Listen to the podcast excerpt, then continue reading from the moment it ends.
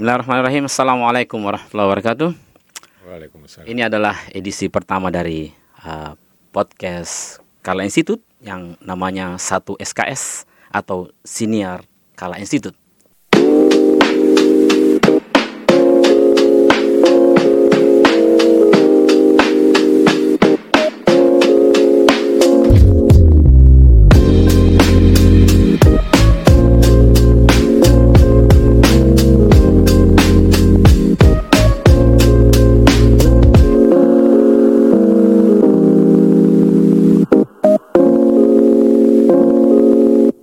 Oke, bersama kita di sini uh, hadir Bapak Rektor Kala Institute, Bapak Syamril, tepuk tangan. Ya. Dan selama kurang lebih satu jam ke depan kita akan berbincang-bincang beliau seputar banyak hal, mulai tentang pendidikan, tentang karir, tentang masa depan, tentang era perubahan, dan saya kira sangat menarik untuk kita simak sama-sama. Oke, uh, Pak Syamril apa kabar Pak? Alhamdulillah, alhamdulillah. Ya Pak, um, Pak Sambil boleh cerita dong um, kesehariannya, aktivitasnya sehari-hari itu seperti apa Pak? Ya sehari-hari bangun tidur, sholat subuh ke masjid. Biasanya saya nunggu di masjid sampai fajar ya. Kemudian olahraga, kemudian ya siap-siap ke kantor. Olahraganya kalau boleh tahu olahraga apa Pak? Eh kalau nggak naik sepeda, jalan kaki. Dan kaki oke. Ya 40 menit lah ya, 30-40 menit lumayan lah, lumayan. Oke. Um, nah setelah itu kan kembali ke kantor ya. Nah di kantor biasanya yang menjadi uh, core tugas Pak Sambril, pekerjaan utamanya itu apa aja Pak? Kan lebih ke fungsi-fungsi koordinasi, Koordinasi. manajerial. Jadi biasanya kalau Senin pagi itu udah mulai di Atira, Oke, koordinasi sepekan ini gimana. Selasa kan pindah ke Kambes ya. oke, Rabu biasanya Kamis yaitu pendalaman isu-isu yang perlu didalami di hari-hari sebelumnya. Sekarang mostly lebih fokus ke pendidikan Pak ya.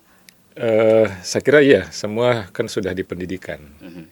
Jadi urus skala education dari di Atira kan playgroup TK, SD, SMP, SMA, kemudian di Kala Institut perguruan tinggi. Oke. Kemudian nanti nih eh, masuk lagi mungkin di Januari eh, Learning Center Kala Group ya Learning Center. akan kita masukkan di Kala Institut Ya. untuk pelayanan keluar juga. Ya, Pak. Ada yang menarik nih Pak Sambil dari pembacaan saya di beberapa uh, referensi termasuk buku yang pernah Bapak tulis. Bapak ini kan backgroundnya teknik fisika ya satunya kalau tidak salah Pak. Iya, iya. Iya. Kemudian S2-nya di pendidikan. Nah, ini apa yang kemudian uh, menjadi titik balik Pak? Harusnya kan uh, Bapak menekuni menekuni bidang eksak, eksakta misalnya fisika. Kemudian ternyata sekarang lebih banyak berkecimpung di dunia pendidikan. Itu gimana ceritanya Pak? Iya, jadi gini eh, konsepnya begini. Eh, dulu ada guru saya namanya Pak Rama Royani. Sekarang juga ya kalau ketemu saya panggil Abah. Jadi dia sebut eh, 3E, Oke. 4E sebenarnya ya. Jadi enjoy, easy, excellent. Oke. Jadi kan memang kita manusia ini proses mencari diri ya. Oke. Jadi kita di mana sih yang pas? Ya mungkin dulu awal saya ambil kuliah itu belum eh, belum gue banget Oke. Nah, pas eh, jalan setelah lulus, eh, yang saya enjoy apa ya? Yang saya bisa rasa mudah kemudian excellent di sisi mana ya? Oke. Saya ketemukan di pendidikan. Oke. Jadi itu pun juga nggak sengaja sih. Jadi dulu eh, saya kan tahun 99 ya, itu jadi guru honorer di Oke. Darul Hikam Bandung. Yap. Nah waktu itu juga nggak melamar, jadi waktu itu jalan-jalan ke sana sama kepala sekolahnya ditanya, eh di mana kuliah di ITB bu? Bisa ngajar? Bisa. jadi Iya, iya, iya. oke besok masuk ya, siap siap. Jadi besok masuklah saya besoknya. Eh, Ngajar apa bu? Ngajar fisika, oh, boleh boleh. Nah ternyata eh, bagi saya itu enjoy ya, menarik. Oke. Jadi enjoy itu senang ya. Jadi oh berhadapan dengan anak-anak eh, mengajar yang awalnya mereka ya macam-macam lah di situ. Lama-lama menemukan passion di situ, Pak. Iya, jadi ketemu sesuatu yang eh, tidak sekedar passion, tapi juga saya lihat eh, lebih bermakna. Jadi kita merasa lebih bermanfaat ya, merasa lebih bisa memberi ya, ya dan sebagainya lah. Dan ya alhamdulillah sampai sekarang saya tekuni dia dua berapa tahun ya, 29 ya, 23 tahun. 23 tahun. Wow, lumayan lama ya. Lumayan. Susah nggak, Pak? merubah mindset itu dari awalnya bayangkan 4 tahun kurang lebih ya di belajar eksakta fisika gitu kemudian pada akhirnya justru dijalankan sesuatu yang mungkin agak jauh berbeda dengan yang bapak pelajari gitu Hmm, sebenarnya secara non formal saya sudah belajar di organisasi. oke Jadi kan di Salman ya, saya aktif di Salman ITB eh, di keluarga remaja Islam. Itu kan memang program utamanya itu mentoring anak-anak remaja. oke Dan alhamdulillah di situ saya jadi mentor, jadi pengajar bimbel ya. Terus jadi ketua malah pernah. Jadi memang eh, urusan tanda apa mendidik, mengajar atau apa pun namanya ya dengan anak-anak SMP, SMA, eh, anak orang mahasiswa ada udah dilakukan di situ. itu didapatkan di organisasi Iya, dan tapi itu kan tanpa SKS ya, Ya. kuliah. Jadi lebih ke alamiah, kemudian coba cari konsepnya seperti apa. Ya kita belajar belajar juga lah ya. Nah jadi ternyata saya nggak kebayang juga sih apa yang dipelajari di situ ternyata itu yang jadi eh, bekal seterusnya ya. Oke, jadi ya ini satu satu poin penting saya pikir berarti um, ini bapak uh, aktif berorganisasi juga ketika masih di bangku S1 misalnya. Berarti uh, organisasi itu lumayan banyak memberikan pengaruh pada cara berpikir, cara bertindak gitu pak. Sangat banyak. Jadi mindset kita memandang hidup ya, memandang profesi, memandang eh, agama ya, memandang semuanya lah. Saya saya bersyukur alhamdulillah. Artinya mungkin ya eh, kan gini, eh, kita hidup minimal empat lah ya. Jadi ada eh, intelektual, profesional, sosial sama spiritual. Ya. Minimal itu ya. Jadi kita punya peran-peran di situ. Nah, jadi saya malah eh, mungkin secara profesional dalam arti eh, waktu mengajar itu ya tentang konten fisika ya di kampus. Oke. Tapi secara intelektual ada juga di kampus, tapi di sini juga banyak di organisasi. Oke. Nah, kita mengkaji ya, kita berdiskusi. Nah, kemudian eh, secara sosial ya banyak aktivitas sosial Oke. bakti sosial kita adakan apa macam-macam ya untuk remaja dan terakhir eh, spiritual Oke. karena sebenarnya spiritual itu kan salah satu jalannya itu volunteerism Volunteerism. ya kita mencoba berbagi ya eh, jadi relawan dan di situ eh, kita memaknai itu semua kan bukan dengan materi tapi dengan eh, kita merasa bermakna ya Iya. bahagia karena bisa memberi apa pun yang kita miliki nggak harus materi Iya, Pak. Hampir dua dekade terakhir Bapak benar-benar berkecimpung di bidang pendidikan. Nah, Bapak sekarang melihat tantangan dunia pendidikan masa depan itu seperti apa, Pak? Ya, mm, kalau bicara tantangan, memang gini, konsep awalnya eh, perubahan ya, Oke. perubahan. Jadi kan masa depan itu tidak bisa dipastikan, tapi bisa diprediksi. Nah, tapi sebenarnya ada ungkapan yang bagus ya, mm, kita mendidik eh, anak sekarang itu ibaratnya eh, kita menyiapkan atlet untuk sebuah olimpiade, tapi kita nggak tahu cabang apa. Oke. Nah, kan saya kira saya ulangi ya. Jadi kita mendidik orang nih seperti kita menyiapkan eh, atlet eh, untuk bertanding di olimpiade, misalnya mungkin olimpiadenya 10 20 tahun lagi, tapi kita nggak tahu nanti cabang olahraga apa yang ada di sana. Pokoknya disiapin aja gitu. Siapin aja. Oke. Nah, mau tidak mau kan kita harus berpikir eh, pertama kira-kira eh, kayak tadi ya ibaratnya olahraga. Nah, menurut Pak Hakim sendiri nih, kalau misalnya kondisinya seperti itu tuh real ya, Ya. eh, kita mau siapkan atlet, tapi kita nggak tahu cabang apa apa yang disiapkan dari atlet ini. Iya, kalau saya sih paling fisik, mental Ah, gitu. Oke, Ya. itu yang pertama. Jadi kita harus cari dulu general kompetensi apa yang yang harus eh, yang itu ada selamanya, gitu lah. Oke. Itu ada selamanya. Jadi, nah baru nanti eh, kalau itu dia miliki eh, dengan kondisi yang berubah pun dia bisa adaptasi. Oke. Dia bisa agile, dia bisa menyesuaikan diri. Nah itu yang penting. Nah kemudian yang kedua, eh, kita bisa lihat dari studi-studi yang ada prediksi-prediksi. Oke. Ini kan futuristik banyak ya. Ya. Jadi misalnya eh, World Economic Forum dia mengeluarkan tahun 2025 ini, kemudian mana lagi lah. Ya. Nah itu yang kita jadikan juga sebagai acuan. Nah, tadi kan Bapak menyebut tentang general skill. Jadi ada semacam skill utama yang mungkin secara jangka panjang harus dimiliki oleh um, setiap pelajar atau setiap setiap manusia. Tapi uh, ada nggak Pak skill-skill yang memang secara spesifik dibutuhkan oleh um, anak-anak muda taruhlah mahasiswa sekarang yang memang sudah sudah harus siapkan dari sekarang untuk menghadapi uh, tantangan era perubahan ini. Iya, iya. Jadi kalau itu saya kira uh, banyak diteliti ya berbagai lembaga. Nah, dan itu juga sudah diadopsi di pendidikan. Okay. Jadi misalnya tentang uh, konsep 4C. Okay. Jadi bahwa uh, yang harus disiapkan itu uh, critical thinking, hmm. creativity, uh, communication, ya, kolaborasi, ya. Okay. Kemudian, nah ditambah lagi dua, jadi ada learning skill, ya, uh, learning how to learn, kemudian uh, social responsibility, nah itu. Okay. Jadi empat C tadi itu ya, jadi uh, dia secara uh, tadi itu yang semacam generalnya ya, hmm. kreativitasnya, critical thinkingnya, komunikasinya, sama kolaborasinya. Ini kan hmm. kondisi apa pun kan dibutuhkan itu. Hmm oh zaman kuno dulu ya sama zaman sekarang zaman akan datang kan tetap orang harus kreatif menghadapi yeah. masalah okay. kemudian harus critical thinkingnya kritis uh, dia bisa melihat hmm. apa nih yang uh, harus diperbaiki kemudian ya komunikasi kan dari dulu juga kan ya sama kolaborasi yeah. Hmm. nah tinggal uh, bagaimana dia bisa adaptif nah itu tadi learning skill ini learning how to learn, learning ya. how to learn. jadi dia bisa oh apa istilahnya tuh eh, learning agility lah ya bahasa lainnya lagi tuh jadi ya oh iya ya ini yang berubah nih harus saya belajar ini lagi harus belajar ini lagi tapi itu nggak cukup harus ada social responsibility social responsibility social skill juga harus ada ya, ya tanggung jawab ya. di situ bahwa hmm. saya ada ini semua ini bukan untuk saya saja. Ini harus bisa memberi makna manfaat ke lingkungan sosial.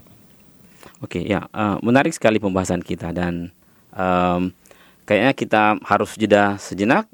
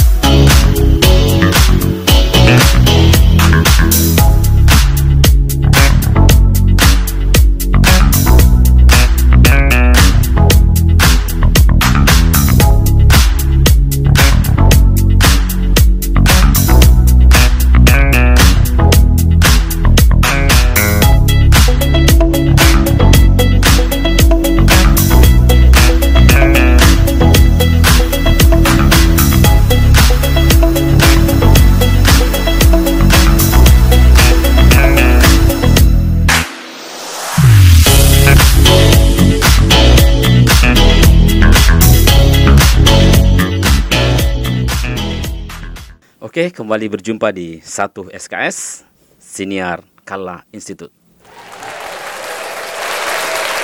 Ya, saat ini kita masih bersama dengan Bapak Syamril, uh, Rektor Kala Institute. Ya, uh, Pak Syamril, sejak tahun 2019 uh, Bapak diberikan kepercayaan untuk menjadi pimpinan di Kala Institute, menjadi rektor. Nah, tentu kampus kan punya visi dan misi nih. Tapi kita pengen tahu, uh, Bapak juga pastinya memiliki mimpi-mimpi uh, tentang kampus akan seperti apa di masa depan menurut ya menurut deteksi dan bayangan bapak seperti itu pak. Hmm, Oke, okay. jadi mungkin mungkin begini. Uh, pertama uh, ada misi dulu ya, ada okay. misi. Jadi pertanyaan misi itu kan menjawab uh, alasan keberadaan. Alasan keberadaan. Why ya, alasan okay. keberadaan. Nah, jadi mm -hmm. nah mengapa ini ada kampus ini ada? Yeah. Itu yang pertama yang uh, bagi saya menarik. Jadi saya ikut proses pendirian um, bahkan mulai dari gagasan ya. Jadi yeah. bagaimana Bu Ima waktu itu Pak Samril kita buat perguruan tinggi. Nah, kita mencoba cari dan sebagainya lah. Nah, yang menarik uh, dan itu bagi saya saya jadi tertarik ya untuk ikut juga di situ. Ya karena memang berangkat dari sebuah uh, apa namanya ya misi yang mulia. Ya. Kemarin mungkin Pak JK udah nyampaikan ya. Jadi kita sudah 70 tahun di dunia bisnis. Kita ingin apa yang kita miliki itu uh, kita bisa bagikan ke masyarakat. Jadi kita nggak bagi-bagi uang kan, ya. tapi kita bagi-bagi semangat, bagi-bagi ya. ilmu, bagi-bagi pengalaman ya. dan sebagainya. Sehingga ke depan bisa lahir banyak grup-grup bisnis baru yang mereka itu uh, apa namanya bisa membuka lapangan kerja yang luas untuk masyarakat.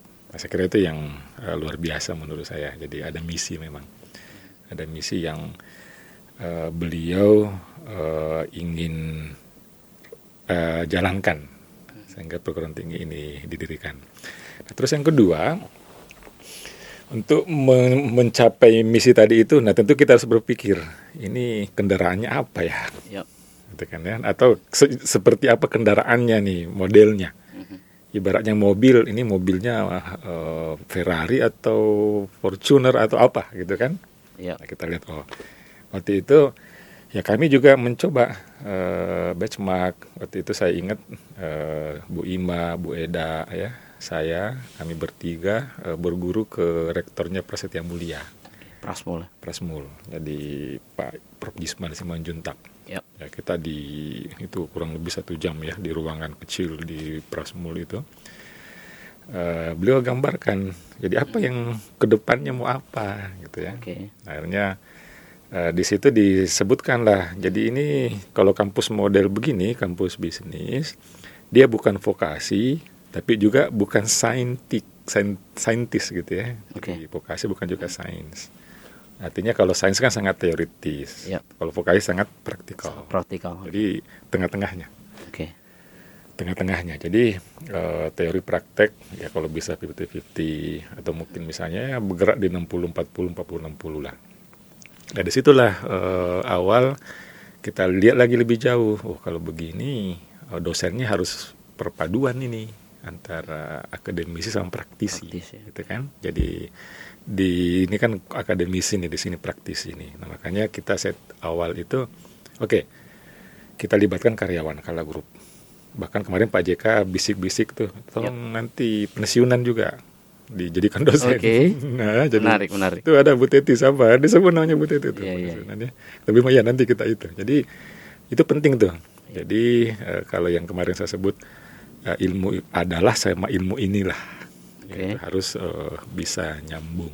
Itu yang kedua ya. Jadi tadi misi ini kendaraannya seperti apa ini ya. Nah, kemudian kan berkembang lagi tuh kira-kira uh, isi isi pelajarannya apa sih? Nah sebelum ke sana kan ya waktu itu juga prodi apa nih yang cocok ini? Oke. Okay. Prodi apa yang cocok? Nah kita melihat uh, awalnya kita udah uh, institut bisnis, ya awalnya itu institut bisnis Atira, tapi Pak JK bilang pakai kala aja.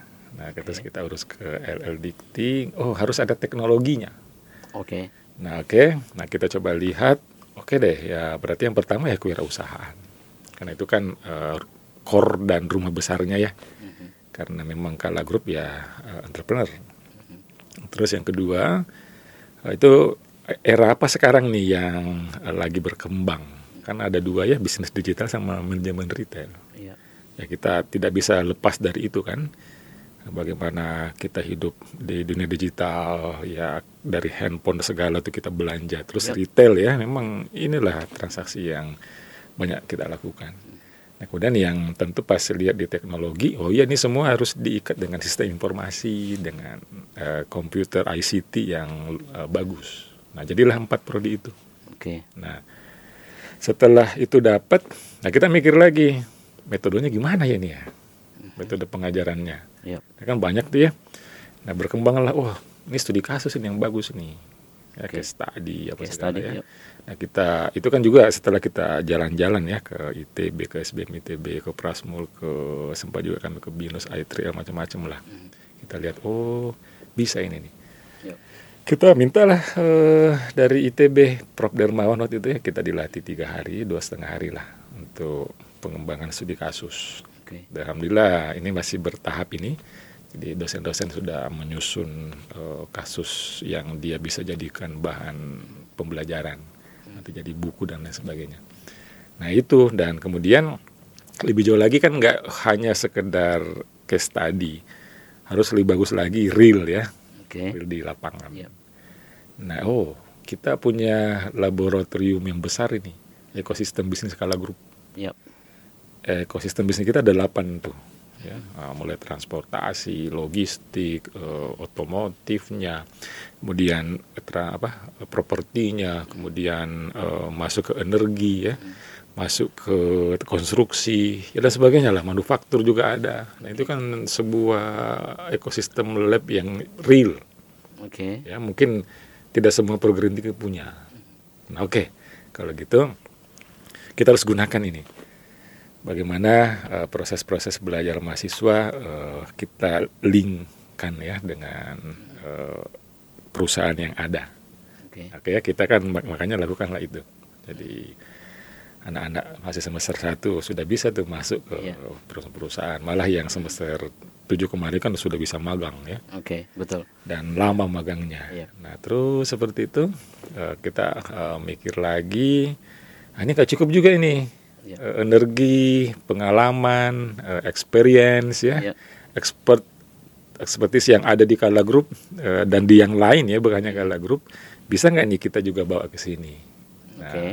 Ya yeah. kita adakanlah uh, CEO Talk ya kita adakanlah di kuliah itu ada kita undang. Termasuk undang Pak JK ada. Nah kemarin Pak JK, saya kira beberapa direksi hampir sudah banyak ya yang uh, di mata kuliah tertentu yang relevan ya ada macam-macam lah.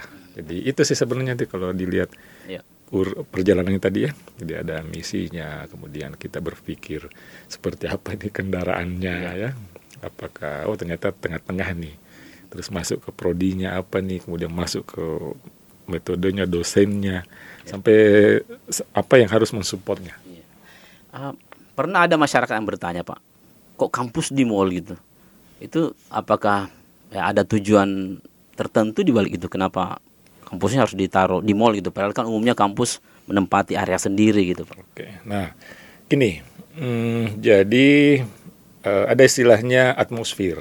Atmosfer. Atmosfer ya. Jadi uh, karena ini memang kampus bisnis ya yang core-nya dari tambah teknologi tadi ya atmosfernya harus atmosfer bisnis. Ya. Nah, beda kalau misalnya yang kita bangun itu kampus yang memang uh, sains ya, yang penelitian dan sebagainya itu harus uh, atmosfernya juga uh, seperti itu. Ya. Nah, ini kita uh, atmosfer itu begini, jadi dia kayak udara ya, jadi kita menghirup merasakan. Ya. Mungkin nggak kelihatan tapi terasa, itu ya. kan atmosfer kita nih. Jadi kalau misalnya orang ke sini mau ke mana? Mau kuliah? Eh ke mall? Oh iya di kampus saya. Oh, di, apa kemarin Pak Jika bilang kan, Anda bisa lihat tuh orang-orang di bawah sana yang pejuang-pejuang ya, ya. ekonomi yang ya. oh, tidak bisa apa harus berpikir untuk bisnisnya bisa berkembang bisa macam-macam nah itu kan atmosfer tuh spirit juga dapat Nah itu sebenarnya. Jadi mengapa di kita uh, ini kan di sini. Jadi tadi itu ya uh, adalah inilahnya itu dapat. Okay. Oh inilah bisnis ya. Dia turun. Wih ini apa ini? Ini jualan apa ini? Begitu kan. Oke. Okay. Iya makin menarik uh, diskusi kita.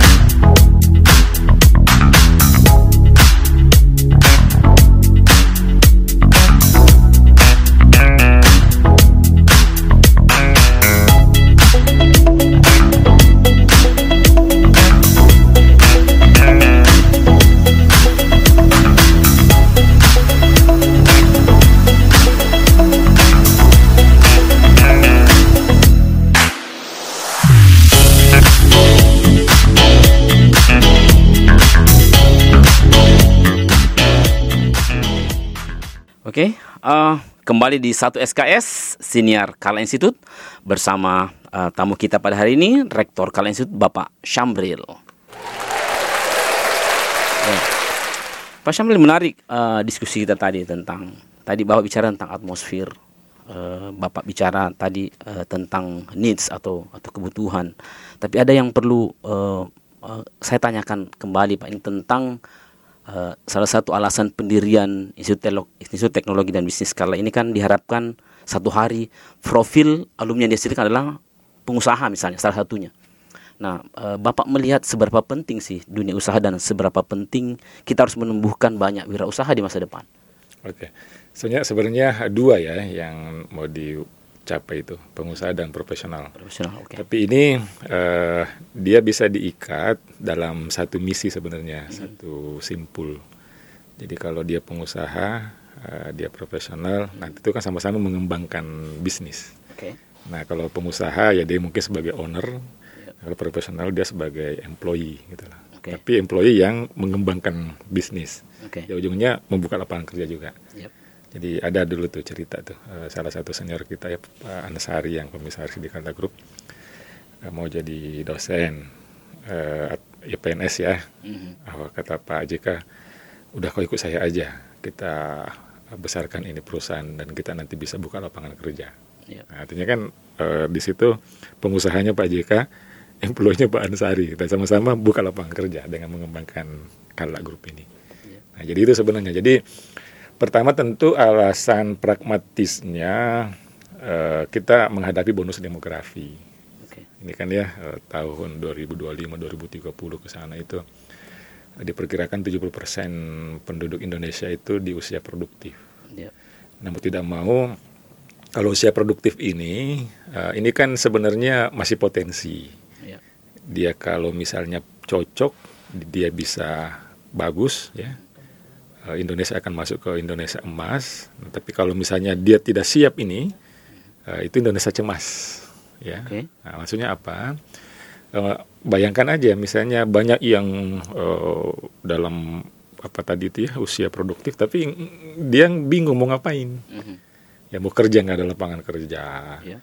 mau bisnis nggak punya kompetensi dan kemampuan ya dan sebagainya nah di sinilah kita harus berpikir di situ bahwa kampus ini eh, semoga bisa berkontribusi menyiapkan generasi-generasi muda yang kelak nantinya itu bisa menjadi generasi yang produktif ya. Bukan dia generasi yang eh, apa namanya useful ya bermanfaat. Bukan useless ya. Bukan yang Useful ya. ah, useful. Jadi Berguna bukan- ah, berguna ya. Iya, iya.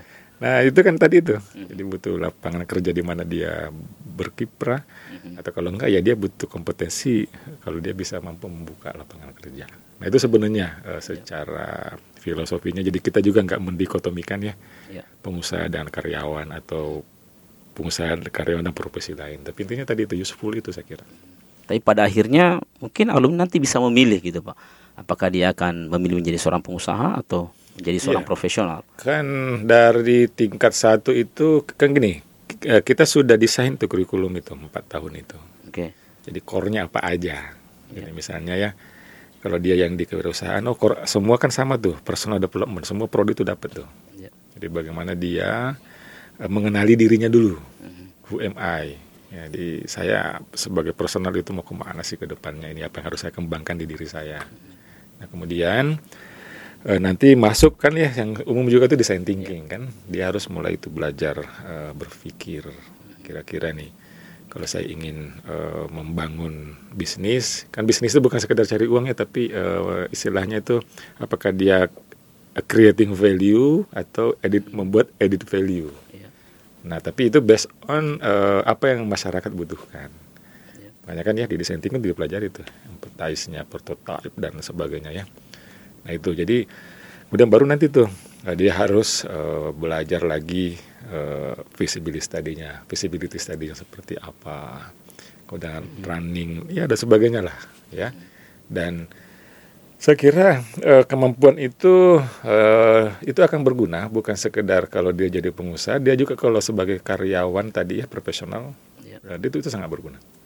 Karena ya kan sebenarnya di dalam perusahaan pun ya kita butuh eh, intrapreneurship istilahnya. Ada orang-orang yang bisa berpikir inovatif, berpikir pembaruan, berpikir hal-hal yang baru di dalam ya di organisasi itu. Jadi kan ada istilahnya memang kan intrapreneurship sama entrepreneurship. Ya Pak, Em, kembali tentang em, hasil eh, pembacaan saya terhadap beberapa referensi tentang eh, Bapak sendiri. Yang saya tahu bahwa Bapak pernah sekian lama bekerja di perusahaan juga. Dan mungkin Bapak bisa memberikan gambaran tentang eh, kebutuhan perusahaan saat ini dengan kemudian posisi kampus untuk menjawab kebutuhan-kebutuhan perusahaan itu. Oke. Seperti apa Pak kaitannya Pak? Iya, ya saya eh, kurang lebih 10 tahun ya di Kala Group di Human Capital. Oke. Eh, mulai di Human Capital Strategic and Development, ya di situ ada assessment, eh, learning center ya. Ya. kemudian sempat juga di culture. Oke. Nah intinya begini, eh, kalau eh, kita itu kalau di perusahaan kan ada istilahnya job fit. Oke. Jadi bagaimana eh, job itu fit dengan yang eh, mau bekerja. Nah, itu. Nah kemudian eh, kita coba, oh job fit ini ada dua, ya ada kompetensi fit, ada culture fit.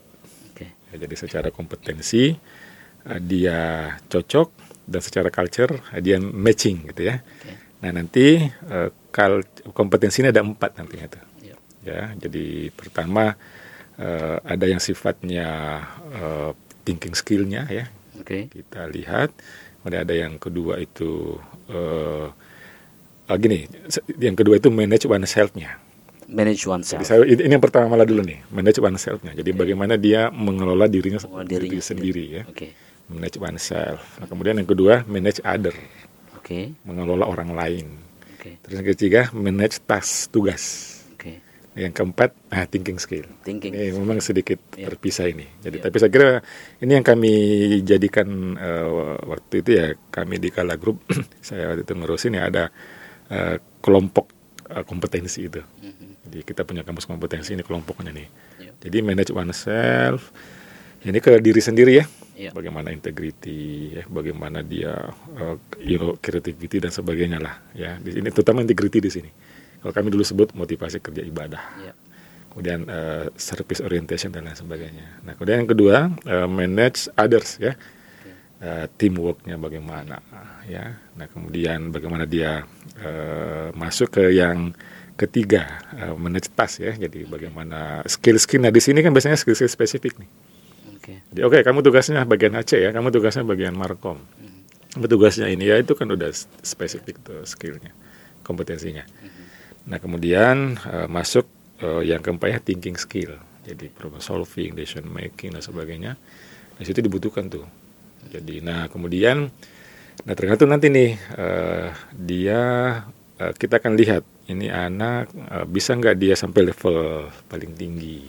Nah dilihat juga tuh leadershipnya Ya. ya kita cek juga nih oh iya nih kayaknya ini punya potensi ini nah itu eh, kayak MT itu kan ya itu kan MT itu eh, kalau di tentara itu akmil ya Akmil ya. yang masuk ke situ calon-calon jenderal, perwira gitu. ya calon Iya. nanti yang panglimanya lah ya iya, iya. Nah, itu yang kita deteksi itu Oke, ya Pak. Um, ini kan menarik ini untuk mencapai empat skill tadi kan, Uh, bahwa mahasiswa bukan hanya disiapkan knowledge-nya, pengetahuannya, tapi kan mungkin juga diajarkan values, Pak.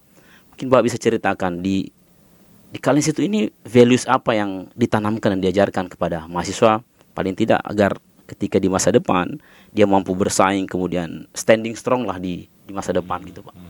Ya, itu kan kita sudah state ya di eh, visi misi kita ya. Jadi bagaimana kita punya misi eh, mengembangkan sumber daya manusia yang eh, berkarakter insan kala kan ada di Insan situ kala, ya. ya. Nah jadi ya di situ ya kita turunkan dari jalan kala K kerja ibadah, A apresiasi pelanggan, leb- L, L lebih cepat, lebih baik dan aktif bersama. Oke. Nah, itu yang kita ini.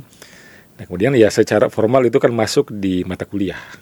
Sampai dibuatkan mata kuliah, Pak. Ya, sebetulnya saya yang ngajar ya. Jadi ada mata Oke. kuliah jalan kala. Jadi em, mahasiswa itu ujiannya juga ujian kayak ujiannya karyawan. Wow. Di pas tes jalan kalanya ikutnya malah sama ikut apa kelasnya kelas kar- sama dengan karyawan kala grup juga tuh waktu itu. Oke. Di tes awal tes akhirnya. Nah itu jadi jalan kala. Tapi sebenarnya itu nggak cukup tuh. Itu harus eh, tidak sekedar secara learningnya ya. Mhm. Nah, tapi juga ada istilahnya eh, pembiasaannya. Oke. Nah, itu yang mungkin nanti perlu dipikirkan lebih jauh. Bagaimana eh, kerja ibadah ya di situ iman takwa, integritas profesional itu bisa nggak tuh eh, kita eh, hidupkan di keseharian ya. Kemudian apresiasi pelanggan kan di situ kan maju bersama, respect for people sama eh, customer delight Yap. ya. Kemudian lebih cepat, lebih baik kan di situ ada inovatif, solutif, efektif, efisien sama unggul. Oke. Nah, kemudian aktif bersama ada teamwork dan sinergi. Nah, sebenarnya ya kita lihat di proses keseharian itu kan dibangun ya. Oke. Eh, maksudnya eh, tanpa ada kuliah khusus selain dengan kuliah khusus tadi itu pun ya bagaimana anak-anak berkolaborasi, bersinergi, eh, bagaimana anak-anak uh, inovatif, solutif, ya. Kemudian bagaimana anak-anak uh, juga berpikir maju bersama ya, program-program sosial ya dan lain sebagainya.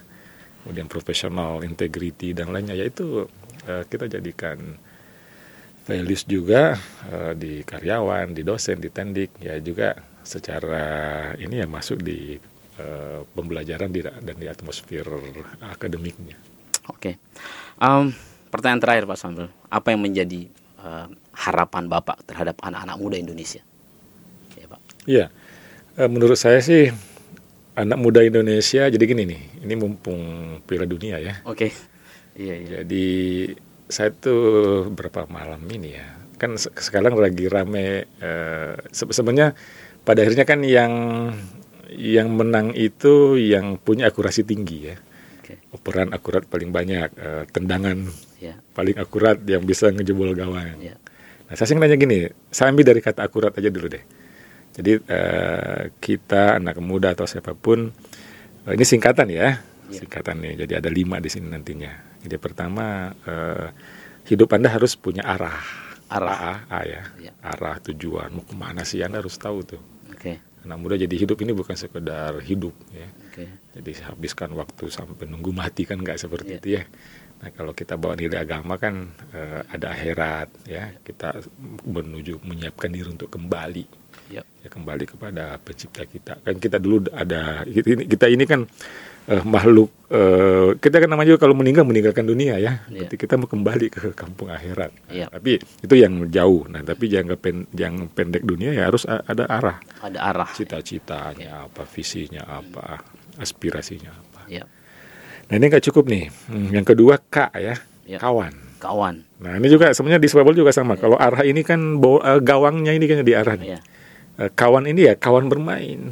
Mm. Kan kita ada tim 11 orang itu kan kawan kita. Ya. Kenapa kita jadikan kawan? Karena kita bekerja sama menuju arah yang sama. Arah ya. Oke. Okay. ya, tapi ada juga lawan yang menghalangi kita. Iya. Yang menghalangi kita. Jadi ini hati-hati. Jadi hidup harus uh, mencari kawan yang tepat. Okay. Ya jangan kawan yang salah. Ya. Jangan sampai nanti salah arah. Ya. Nah bola juga sama kan seperti itu ya. Ya karena U. Okay. Oh, udah jelas nih, ini timnya U usaha usaha. Nggak bisa kan mana sepak bola pasti jatuh bangun.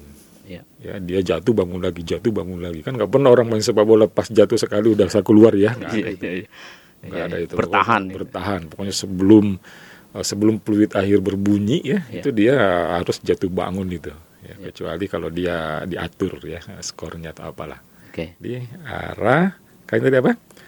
Kawan kawan usaha. usaha. Ya. nah arah kawan. R R ini resiko. Resiko. Ya kemarin Pak JK bilang ya, semua punya resiko. Hidup ini ada resiko. Iya. Berbisnis ada resiko. Ada resiko. Resikonya kan uh, minimal dua, menang kalah. Okay. Ada seri juga lah ya kalau sepak bola. Iya. Tapi kalau dia sudah fase knock out ini kan udah menang kalah nih. Iya. Betul. Ya sama. Apalagi dalam bawa final, hmm. mau tidak mau ada yang juara. Ya sama. Jadi kita harus siap menghadapi resiko. Ya. Tapi kita udah berusaha, ya resikonya menang kalah ya kita tawakal. Ya, okay. jadi usaha itu dulu. Jadi istilahnya uh, apa uh, great process will bring great result kan gitu prinsipnya. Okay. Jadi itu umumnya ya. Mm-hmm. Nah kemudian terakhir AT, saya tambah kita AT aturan. Aturan. Okay. Hati. Jadi uh, bola juga kan ada aturannya. Yeah. Ya, ada aturan mainnya, ada garisnya, ada petugas wasitnya, sampai sekarang ada VAR-nya kan ya. Ada VAR yang digunakan tuh. Nah, hidup juga ada aturan ada wasitnya ya sampai kan kita semua yakin kalau kita beriman ada far kita nih malaikat yang yang menyaksikan merekam betul, semua ya, ya bahwa Allah Allah yang mau melihat nah itu kira-kira lah jadi saya mumpung nih eh Piala Dunia jadi ya. akurat tadi ya, ya. arah tujuan cita-cita ya. tadi itu terus kawan, kawan ya, ya cari kawan yang tepat ya. U usahanya usaha ya. nah R-nya adalah resiko resiko ya. AT ya aturan. aturan. Nah, itu silakan. Jadi luar biasa. Ya, uh, kita sampai pada penghujung program kita. Uh, terima kasih Pak Syamrul untuk yeah. kehadirannya di sini di edisi pertama satu SKS Siniar Kala Institut dan semoga kita bisa berjumpa kembali di satu SKS berikutnya dengan tamu dan isu-isu yang jauh lebih kompeten tentunya. Oke, sampai jumpa. Salam satu SKS.